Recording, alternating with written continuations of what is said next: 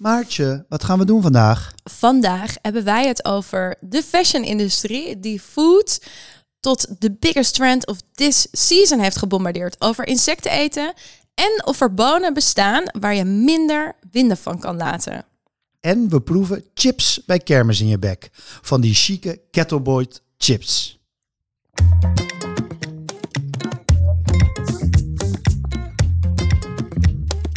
Professionele eters Maartje Nelissen en Gijsbrecht Brouwer vreten zich sneller door het laatste foodnieuws dan door een zak M&M's.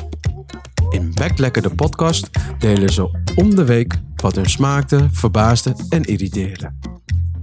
De lekkerste ontdekkingen, licht verteerbare eetweetjes en verse trends. De foodpodcast voor iedereen die beter kan eten dan koken.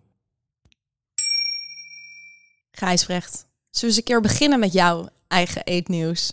Ja, dat is goed. Wij hebben aan het begin van het jaar bij de buik altijd een artikel of meerdere artikelen waarin we vooruitblikken op het jaar. Heel logisch. En bij de buik betekent het dan dat we schrijven over welke openingen wij in de horeca verwachten komend jaar. En voor eh, de mensen die het niet kennen, wat is de buik ook alweer? Ja, Goede Buik is gewoon een een website die ik heb opgericht over waar je lekker kan eten in Rotterdam, Amsterdam en Utrecht. En we schrijven gewoon mooie verhalen over de lokale foodcultuur. En daar zit dus aan het begin van het jaar altijd een verhaal bij over wat verwachten we nou voor komend jaar. En die hebben we net live gezet voor Rotterdam en voor Amsterdam. Nice. En er is een app. Ja, Die ja, vind ja. ik echt fantastisch. Want laatst heb ik hem al gebruikt de eerste dag dat ik hem eh, had gedownload. Want toen dacht ik, hé, hey, waar moet ik nou in de buurt gewoon even goede koffie drinken? En dan krijg je dus op een soort Google Maps-achtig kaartje, krijg je meteen allemaal suggesties. Die Ja, jullie werkt. ook hebben getest, toch? Ja, werkt als een trein. Ja, wij kijken altijd eh, met kritisch naar wat er in de stad te beleven valt. En, eh, en daar schrijven we over. Ehm, we pikken echt uit wat de moeite waard is en waar een verhaal in zit. En dus hebben we in Rotterdam en Amsterdam net die, eh, die opening op een rij gezet. En dat vond ik echt serieus indrukwekkend. Ja, vertel. Want er is, ik, ik ben sowieso verbaasd hoeveel er open gaat in deze tijd.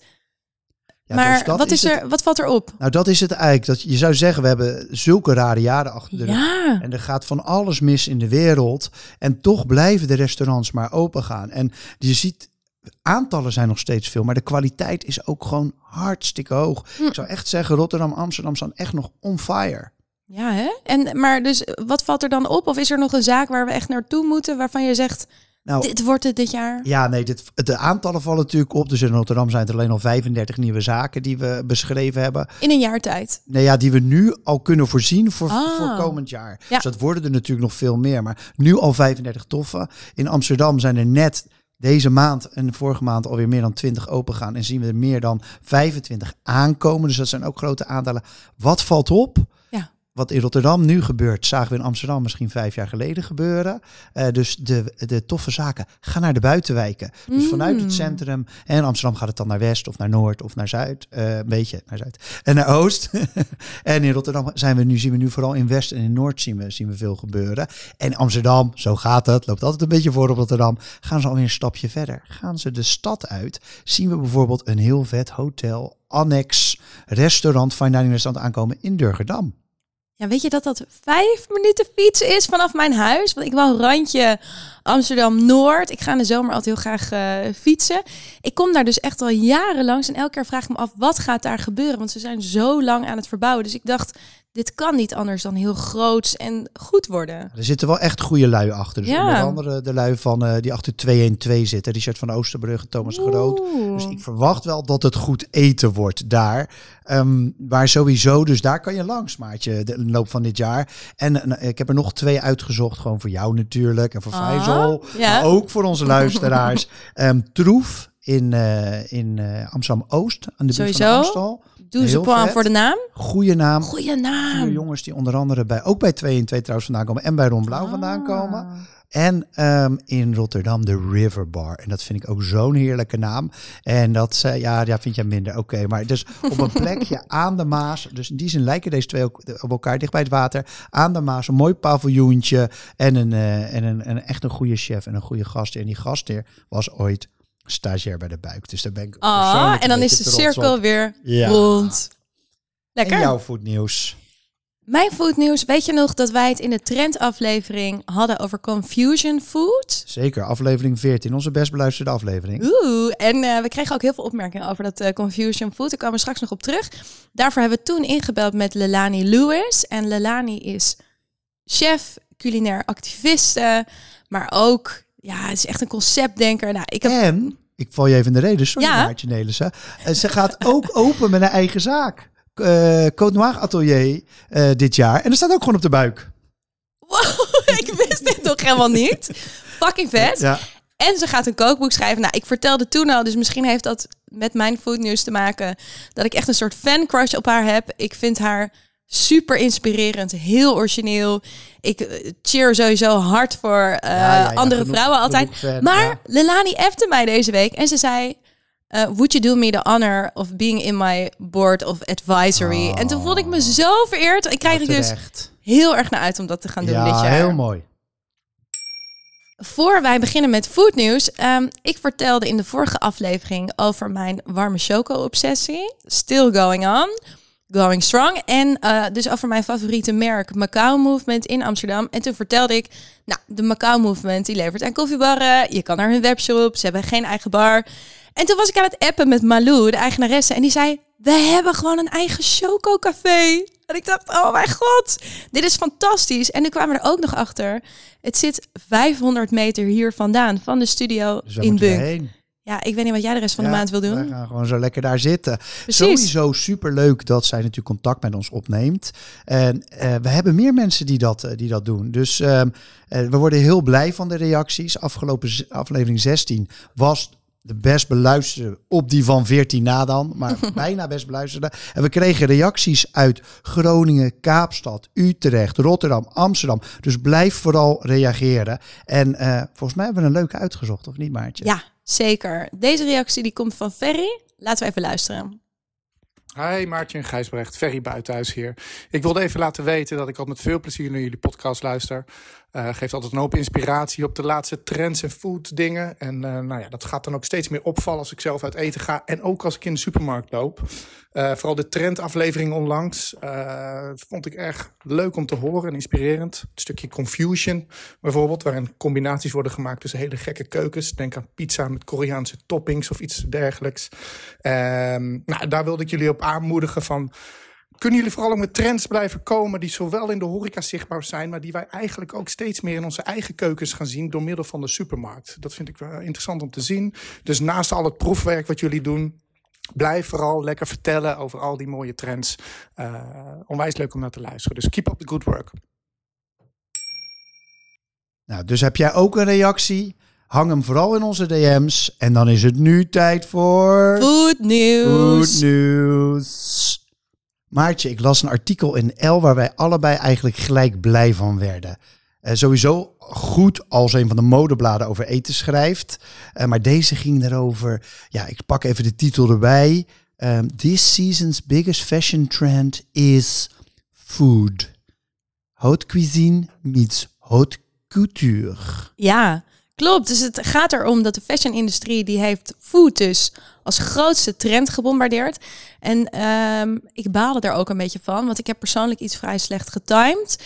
Ik ben 1 januari namelijk begonnen met de No-Buy Challenge. Wat No zoveel challenge. betekent als dat ik een half jaar lang eh, helemaal geen kleding meer koop. Wist jij dat eh, spullen kopen de nummer één eh, grootste impact is bij, over het algemeen genomen bij consumenten? Ja, dus als je spullen, nieuwe spulletjes, zeg maar, weet ik veel wat, kleding, noem maar, maar op, heftiger nog dan eten. En Ja. dan biefstukjes en weet ik niet allemaal. Ja, over het geheel genomen wel. Ik moet eerlijk zeggen, het zit hem vooral ook heel erg in de elektronica. Maar de fashion-industrie is volgens mij de twee na grootste vervuilende industrie voor de hele wereld. Eh, ja, dus daarom doe ik dat. Maar goed, terug naar fashion en food. Yes. Ehm, ja, wat we dus nu zien is in de mode is er een soort ode aan food aan de gang. En dan wat vooral heel erg opvalt, is we zien alles met fruit. Prints. En daarom baal ik er ook een beetje van, want het ziet er gewoon fucking goed uit. Dus we zien eten als print op de kleding verschijnen. Eh, eten is dus letterlijk in de mode. Caroline Herrera zagen we terug in dit artikel. Die heeft een geweldige jurk met kersen. Die Jij zei, echt bijna voor mezelf kopen, die jurk. Zo snap waanzinnig. ik. Gucci is helemaal into de ijsjesprint. Colina Strada, wie kent het niet? Ik had er echt nog nooit van gehoord. Maar die gaat voor geprojecteerde kiwis. Het ziet Ja, er ik echt vet uit. Ik ben dus even Colina Strada gaan googlen, want ik vond die naam fantastisch. Dan kom je dus op een, die website gaat gewoon helemaal vol met fruit. Helemaal fruit. Helemaal, en Ja. dan zie je dus die outfits. Het moet een Gen Z merk zijn. Het kan bijna Ja. ander. Maar al die soort van kits of modellen, dat lijkt wel of ze vers uit een Japanse videogame gelopen zijn of zo. Ja, ze heeft ook één t-shirt met een soort smiley helemaal in, in de fruit. Die vond ik wel oprecht wel iets voor jou. Oh, en, minder je, dan en jouw komende festival season. Maar ik zal nog heel even doorgaan om eh, iedereen nog meer mee te nemen. Modemerk Moschino heeft eh, heel- ook die kersenprint helemaal geoond. In een soort pop art 70s combinatie van limegroen en oranje. Dus je ziet gewoon, fruit is gewoon de nieuw it. En ik denk dat de horeca hier toch ook een belangrijke rol in heeft gespeeld. Dat als we fruit opdienen als een van de lekkerste dingen die er zijn. Ja, wij zagen ook, dat komt gewoon bij Chez Panisse vandaan. Ja, Ja, ik zou misschien zal ik het even vertel, toelichten. vertel. Je hebt dat Chez Panisse natuurlijk in San Francisco. Dat was een soort van ja, na de hippie scene kreeg je een soort van, ja, kreeg het eten een nieuwe eh, waardering. Die dame Alice Waters heeft dat farm-to-table concept uitgevonden en groot gemaakt. En een van de dingen die zij gedaan heeft, was een dessert. En dat kostte toen ook nog een bak met geld, echt weet ik wel, 20, 25 dollar of zo. En het was alleen een geschilde mandarijn. En dan al die mandarijnen werden stuk voor stuk uitgezocht en dan neergelegd. En echt een soort food porn to the max. Ja. Als je het fotografeerde ook. Wat gebeurde er weer een paar jaar later? Heeft David Chang daar een enorme eh ja, eh, Bash. van gezegd, bash opgegeven. Zo van, ja, je kan toch niet een mandarijn als dessert? Nou, je moet niet aan Alice Waters komen, niet aan Chez Panisse komen. Want David Chang kon tien jaar lang niet zich vertonen in San Francisco. Dus daarmee, om even aan te geven dat dat fruit op die manier ook echt wel onderdeel is van popculture. Net zoals voetbal Mm. dus overal is nu. Ja, ik zou je eerlijk zeggen, ik vond dit nieuws nog niet heel spannend. Behalve die kersenprintjes, want die vond ik heel spannend. Maar toen kwam ik deze zin tegen. It's a simple visual language that communicates that one thing everyone craves. And that is time off. En toen vond ik het weer heel interessant worden. Want dus deze fruitprints en die food die terugkomt in de fashion...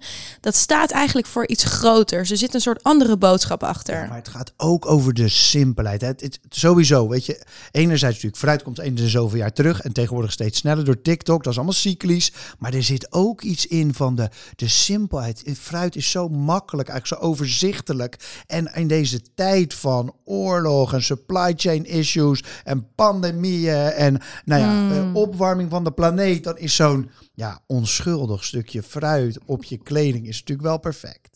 Wanneer zouden ze komen met die aubergines en die persiken trouwens? Eh, ja, dat is iets minder onschuldig. Ja, iets minder onschuldig. De restaurant-editor van Food and Wine Magazine, vooral in de States heel groot, die zei ook hierover dat de luxe van deze high-end modemerker, die gaat eigenlijk veel verder dan de financiële luxe om eh, ja, zo'n modestuk je te kunnen veroorloven of om het design of om de kwaliteit. Dus eh, mensen vergeten inderdaad dat eh, tijd hebben een van de grootste luxes is die je kunt hebben. En dan is ook dat, dat fruit eten, je laten voeren, zo'n fruit platter en de tijd nemen om dat op te nemen, is dan het soort van ultieme symbolische erachter. Ja, ik las die comment en ik heb hem ook gerust daarna nog een keer gelezen en nog een keer. En nog een Ik heb keer. geprobeerd hem mijn eigen te maken. Ehm, ik vond hem vrij lastig. Eh poeh. Eh, ik, ik, ik, in haar hoofd ging ik even mee terug naar de Romeinse tijd. Waar je zo achterover ligt. En dan van die, van die mannen in van die witte jurken. Van die Romeinse keizers die dan van die druifjes gevoerd krijgen. En om dat dan weer bij de mode van deze tijd Ja, te krijgen. het is een beetje farfetched. wat Ja. ver gezocht. Maar daar wordt ze natuurlijk voor betaald. Mm. Ehm, Gucci had ook nog een jurk waar ik bij jou wel aan moest denken. Want die was met smeltende ijsjes. Ehm, en, en ja, een mooi beetje boho-achtig eh, zwarte jurk. Ehm, en als ik dan even in de rol van die food editor van Food and Wine mag duiken.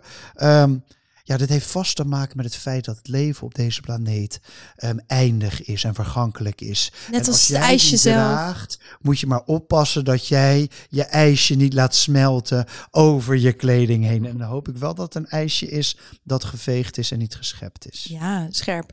Nou, sowieso wel hoe mensen dat doen. En ijsje eten zonder dat je hem onder zit, is mij een raadsel. Daarom zou ik ook nooit die Gucci jurk kopen. Volgens mij was hij 2800 dollar. Ja, ik, mag ook geen witte dingen meer kopen van mezelf. Of nou nieuw of tweedehands is. Ik kan daar gewoon niet mee omgaan. Maar ik dacht, ja, wij hebben net ook wel een mode-statement gemaakt. Want, ja, wij zijn eh, compleet on trend. heel zijn wij. tegen draad. Heel tegen draads. Ja, Thijs van Tegen Draads heeft onze, onze truien gemaakt. Met op onze ruggen natuurlijk Back Lekker de podcast. Maar op de voorkant, heel on trend, een croissantje. Mooiste truien van Nederland. Maartje, jij bent toch voorvechter van duurzaamheid? Wat vind jij nou een duurzame manier, manier van eiwitconsumptie? Ja, ik heb hier nu, nu natuurlijk ook letterlijk mijn werk van gemaakt met Plant Forward, mijn nieuwe initiatief. Maar ik denk nu meteen aan ja, gewoon planten, eh peulvruchten, paddenstoelen. Nou, eigenlijk van alles. Ja, je bent warm, maar je brandt je vingers nog niet. Ik bedoelde eigenlijk insecten. Heb jij die wel eens gegeten? Ja, ik zou je dus echt eerlijk zeggen, ik vind het dus in Nederland best wel een drempel om ze te eten. Terwijl er echt veel partijen zijn die er best wel leuke dingen mee doen. Met de Foodline hebben we ook wel eens van die biertjes geserveerd waar insecten in zaten. Maar in Nederland, meh. Maar toen ik in Zuidoost-Azië zat en in eh, Bangkok woonde, toen had ik zelfs een vaste streetfood vendor. Die had een soort bakfiets. En ik denk dat hij echt wel 15 soorten insecten had. Eh, ja, en daar had ik altijd hetzelfde. En daar had ik regelmatig. Er was een soort grote springhaan, gefrituurd in een soort sojadip. En het is gewoon alsof je chips eet. Het is echt heel lekker. Nou, dat crunchje dus viel mij ook op. Eh eh Kug Kug Opa vertelt. Ik was bij de eerste editie van TEDx in Amsterdam. En toen kregen we- 1952. Ja, precies, 1952. Ja. Toen ging Jij was erbij. Van, Ja. uitvinding van internet. En toen hadden ze ook al insecten. Toen kreeg ik een, een, een aardbei gedipt in chocola met een inderdaad gefrituurde eh springhaan daarbij. Ja, Ehm, ik vond dat eigenlijk best lekker goed voor de crunch. Ja, er is, insecten eten is natuurlijk echt zo oud als de weg naar Rome. Hetzelfde als die Confucian-trend, wat we ook al zeiden. Hè, dat is gewoon mens eigen. Eh, buiten onze Europese culinaire blik gebeurt het ook veel vaker. Maar hier is het gewoon nog niet... Mensen vinden het gewoon nog heel spannend. Heel eng, hè? En af Ja. en toe, hè, we hadden het natuurlijk vorige keer, vorige aflevering over Noma. Daar werd natuurlijk mierenzuur gebruikt in plaats van citroenzuur. Ja, zeker. Nou, mijn punt is, ik, ik weet dat er echt heel veel geïnvesteerd wordt, ook in Nederland, op het gebied van het kweken van insecten. Er wordt veel mee geëxperimenteerd, er worden veel producten ontwikkeld. Eh, we hadden het eerder over caviarboeren. Er zijn ook gewoon krekelboeren hier in Nederland. Ja, en wat je ziet dus is dat de meeste wat er gemaakt wordt in Nederland aan insecten of in Europa is, eh, zoals de Amerikanen zeggen, feed not food. Oftewel dierenvoeding en geen mensenvoeding. Ja. Dus dat verdwijnt in de monden van zalmen en van kippen en van andere beesten die wij uiteindelijk weer wel opeten. Mm. Dus uiteindelijk eten we sowieso alsnog insecten. Ehm, indirect weliswaar. Het is wel zo, en daarom wilde ik deze even bespreken vandaag, is dat de EU heeft de wet voor ehm, het eten van krekels eh, ja, vrijgegeven eigenlijk. Dus we mogen nu krekel als, eh, als eh, ingrediënt ehm, in, in ja, voeding gaan, kunnen we dat gaan verwachten. Ja, en ik was een beetje verbaasd dat dit ehm, zo groot nieuws is. Want ik denk dan, dat, dat gebeurt al veel in onze sector. En dan is het vaak wat minder zichtbaar misschien. Maar veel wijn wordt geklaard met mijten. Bepaalde kleurstoffen worden bijna altijd van insecten gemaakt. Dus what's ja, new? Ja, enerzijds met je eens, maar het is ook wel een hele rationele en ook eh, eh, duurzame reactie van jou. Mm. Want ja, eh, jij zei net al van in, in Thailand vind ik het prima om, eh, om eh, een, een, insectje te eten. In Nederland vind ik het toch wat lastiger. Ehm, zou je het lekker vinden? Zou je het logisch vinden? Ja, ik weet het dus niet zo goed. Kijk, voor mij begint gewoon altijd alles bij lekker. Dus is iets lekker en voegt het iets toe qua smaak, dan gaan we mensen meekrijgen. En voor mij geldt het ook het gebied van duurzaamheid. Voor mij voelt het dus nu, omdat het niet zo in onze eigen eetcultuur zit, nog, maar ook eetcultuur is altijd in ontwikkeling, voelt het een beetje geforceerd dat we allemaal manieren vinden om insecten te eten. Maar als het lekker gemaakt is, ja, eh, waarom niet? Zeker. Oké, nou, ik eet echt alles wat los en vast zit. Dus als het lekker is, eh krekeltje meer of minder, maakt mij niet zoveel uit. Maar er is iets aan de hand, want het is Ja. natuurlijk, we, we leven in vreemde tijden. Ehm, eh, wat mij opviel namelijk, ik was weer eens eh, lekker door Facebook aan het, eh, aan het struinen, wat ik heerlijk vind. En toen kwam ik iemand tegen en dat mag je echt, ik zeg het nu met, met de nodige ironie, want dan heb ik dat maar gezegd. Maar de, de mensen die graag luisteren naar Instagram food gurus en de mensen die misschien tijdens de pandemie één prikje minder hebben genomen, Mhm. die zijn dus nu ineens helemaal tegen insecten eten. Ja, en jij liet mij de zin zien eh, van iemand die zei: Ik geef het maar vast aan. Ik ben ook een insectenweigeraar en een krekelontkenner. En je denkt echt van: Is het een grapje? Is het een sketch? Nee, dit is gewoon echt iets wat iemand met het hele artikel van deze nieuwe wetgeving heeft gedeeld op zijn Facebookpagina. Met ook grote waarschuwingen, hè? zodat dat weer dat, uh, dat stopbord van niet doen.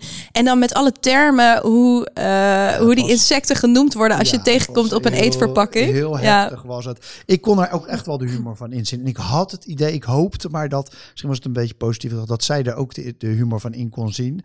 Eh, maar ik vind het ook wel weer gevaarlijk als we nu bij alle nieuwe ingrediënten een soort van weerstand krijgen van nou het zal wel niet goed voor ons zijn en het is vanwege het systeem en noem maar op. Nou, heel eerlijk, dan wordt die weg naar een duurzame transitie ook best wel ingewikkeld. Want we hebben gewoon heel veel novelty foods nodig ook. Ja, en, ehm, en de, de industrie heeft er wel een beetje naar gemaakt enerzijds, maar ja, eh, we gaan toch ook niet stoppen met roze koeken eten, of wel? Volgens mij ga jij hier eh, een punt van maken. Want we- ja, dit zijn inderdaad mensen openlijk insectenweigeraar. Ehm Ja. door, door deze nieuwe regel. ehm, eh, nee, sorry, ik ga even eerst dit vertellen. Want dit vond ik zo opmerkelijk. Blijkbaar eten we gemiddeld al een halve kilo insecten per jaar. Die zitten in onze jam, pindakaas, appels en sla. Maar we gebruiken ze dus ook, wat we net al zeiden, als, eh, als kleurstof. Voor bijvoorbeeld snoep of dingen. En, eh en onze... Het Ja. zit dus in roze koeken. Het Ja, zit in rode M&M's. Ja, het ja. zit in alle dingen die nou, de meeste van ons gewoon dagelijks eten. Ja, ja dus eh, misschien nog één eh, quote van onze vrienden van ProVeg. Die zeggen inderdaad, karmijn is een kleurstof die veel producten hun rode kleur geeft. Het is wat jij zegt, de stof die roze koeken fel roze maakt. En die wordt, dat karmijn wordt gemaakt van vrouwelijke cochinealen, zegt dat goed? Ja, ik weet het. Luizen die op cactussen We leven. eten al lang luizen. We eten al lang insecten. En er komen er misschien nog een paar bij. Kijk, weet je wat, het, wat wel het grappig is van die krekels? Die zijn eigenlijk goed voor mensen die gewoon heel veel eiwitten willen. Mm. Of nodig hebben. Dus dat zijn over het algemeen de mannen die pompen in de sportschool. En mensen die in een verpleeghuis een beetje extra nodig hebben. Dus het zal vooral in poeders en in bars terechtkomen. We gaan het zien. Maartje, even vooraf aan ons derde item. Dit artikel op Serious Eats trok mijn aandacht omdat ik het voor het eerst las tijdens Veganuary. En dan eet je ineens heel veel bonen. Hmm, Willen we dit weten van jou of niet, wat er We gebeurd we is? gaan het sowieso bespreken. Het gaat namelijk over de impact van bonen op je darmen. En zeker, ik, ja, ik, ik ga het niet al te plastisch maken, maar in de eerste week dat ik vegan ging, Ja. toen was dat hele systeem was wel aardig in disbalans, om het zo te zeggen. En af en toe moest ik heel strategisch even een exit maken om bepaalde bonendampen te voorkomen. Oké, ja, we kwamen dit artikel tegen. Het is geschreven door food science journalist en wetenschapper Dave Arnold. En het begint met een geweldige tekst. Het afgelopen jaar heb ik aan een idee geknutseld om een, hou je vast, scheetvrije boon te maken. We werken samen met het Science of Cooking programma van Harvard University om erachter te komen welke algemene tips om winderigheid te verminderen werken en welke niet. En eerst mag ik heel even zeggen hoe vet dat Harvard University pardon, een Science of Cooking programma heeft. Ja, ik wist het niet. nee, dit is Geweldig. echt- dit- we moeten eigenlijk naar Harvard met deze podcast. Maar om even terug naar de wetenschap. Dave wilde een hele reeks van windreductietheorieën testen. Ik heb hier zo geen beeld bij, maar vertel. Nou ja, het wordt een beetje wetenschappelijk, maar eh, hij probeerde dus aan te sturen op vermindering van flatulatie, afname van de winderigheid, zeg maar. En dat heeft hij dan wel weer echt goed aangepakt, want dan heeft hij Harold McGee erbij gepakt. Ja, voor de foodnerds onder ons, Ja, die, die, die, ja, die, die knielen bijna. de koning van de food science, hè? Ja. een man die alles onderzoekt Ja. en, en uitzoekt. Dus ja, wel heel stoer. En die hebben ze dus meegenomen naar de, naar de Harvard Cooking Class. En, eh, en wat, wat, wat kwam eruit? Kan je daar al iets over vertellen?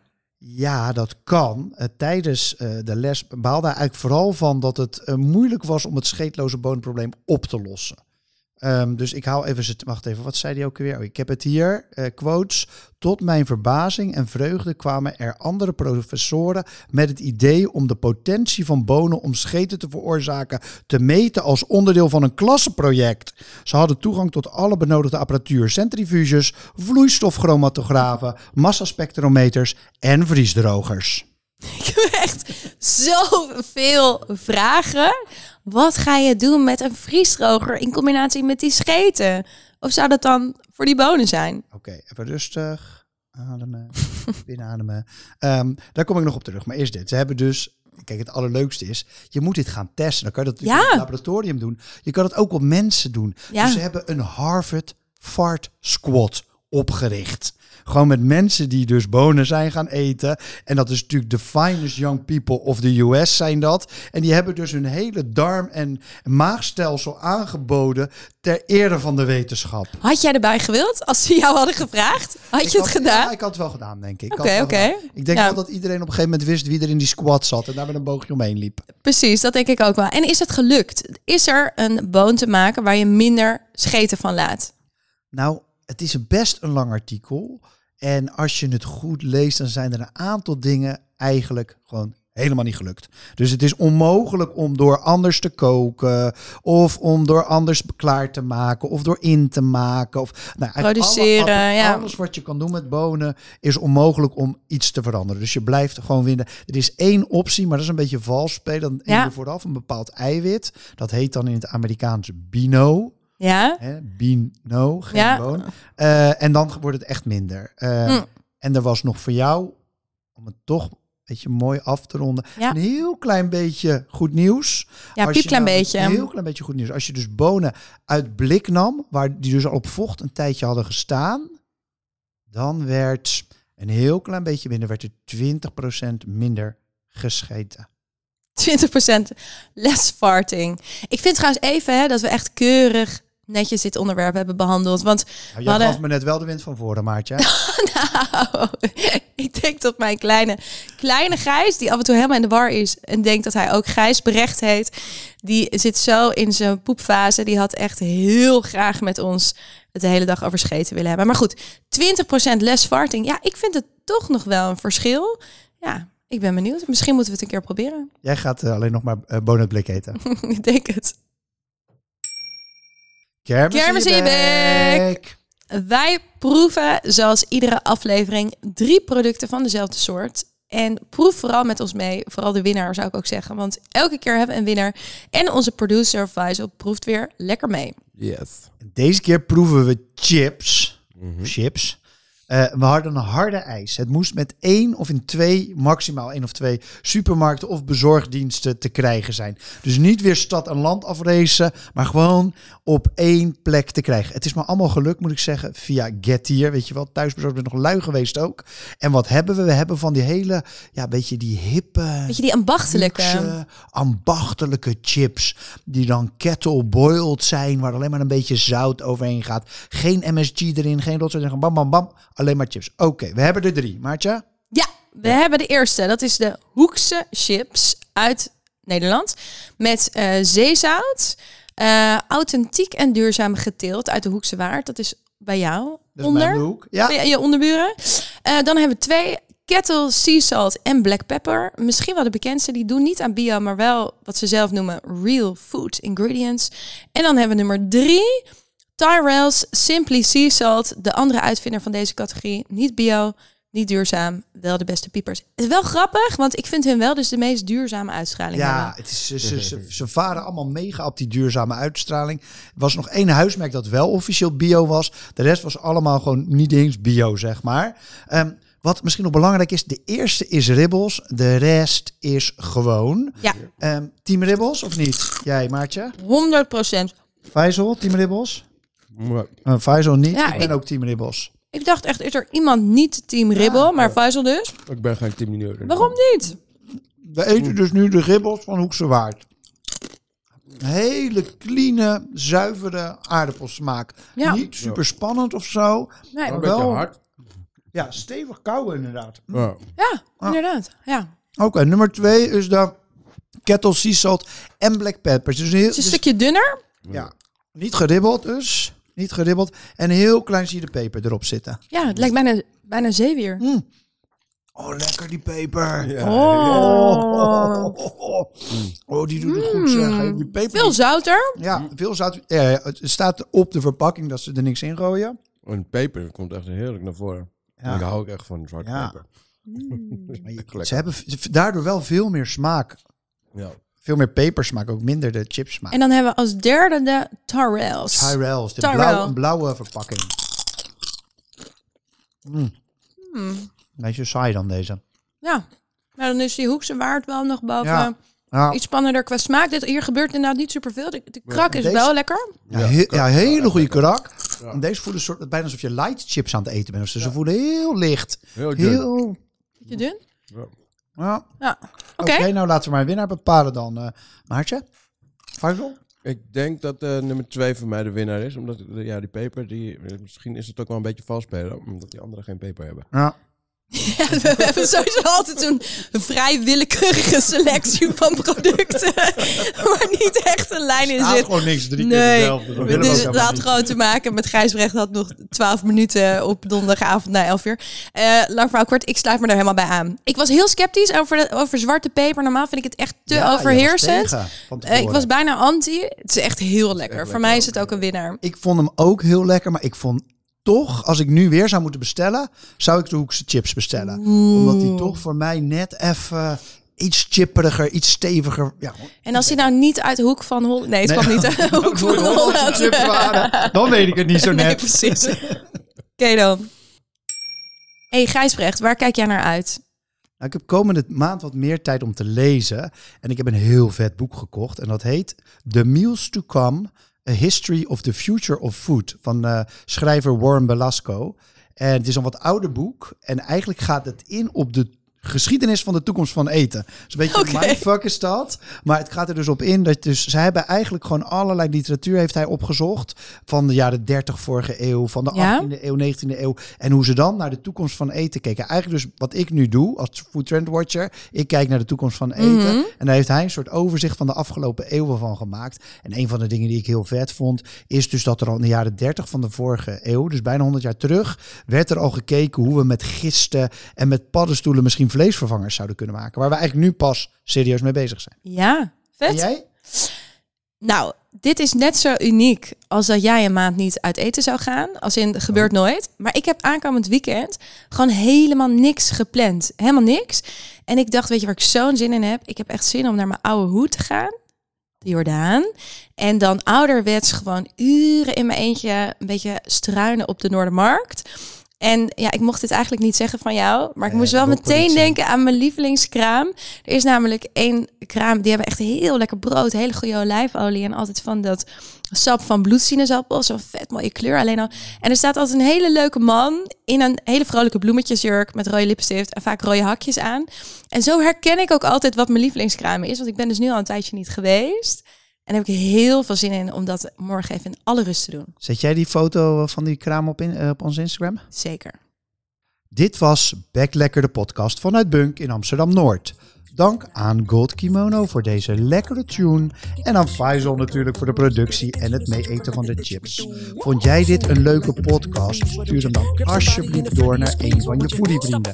En vergeet niet onze podcast te raten in je favoriete podcast app. Heb jij nog goed nieuws? Laat het ons weten via Instagram of LinkedIn. Je vindt ons als je zoekt op de podcast. Tot over twee weken.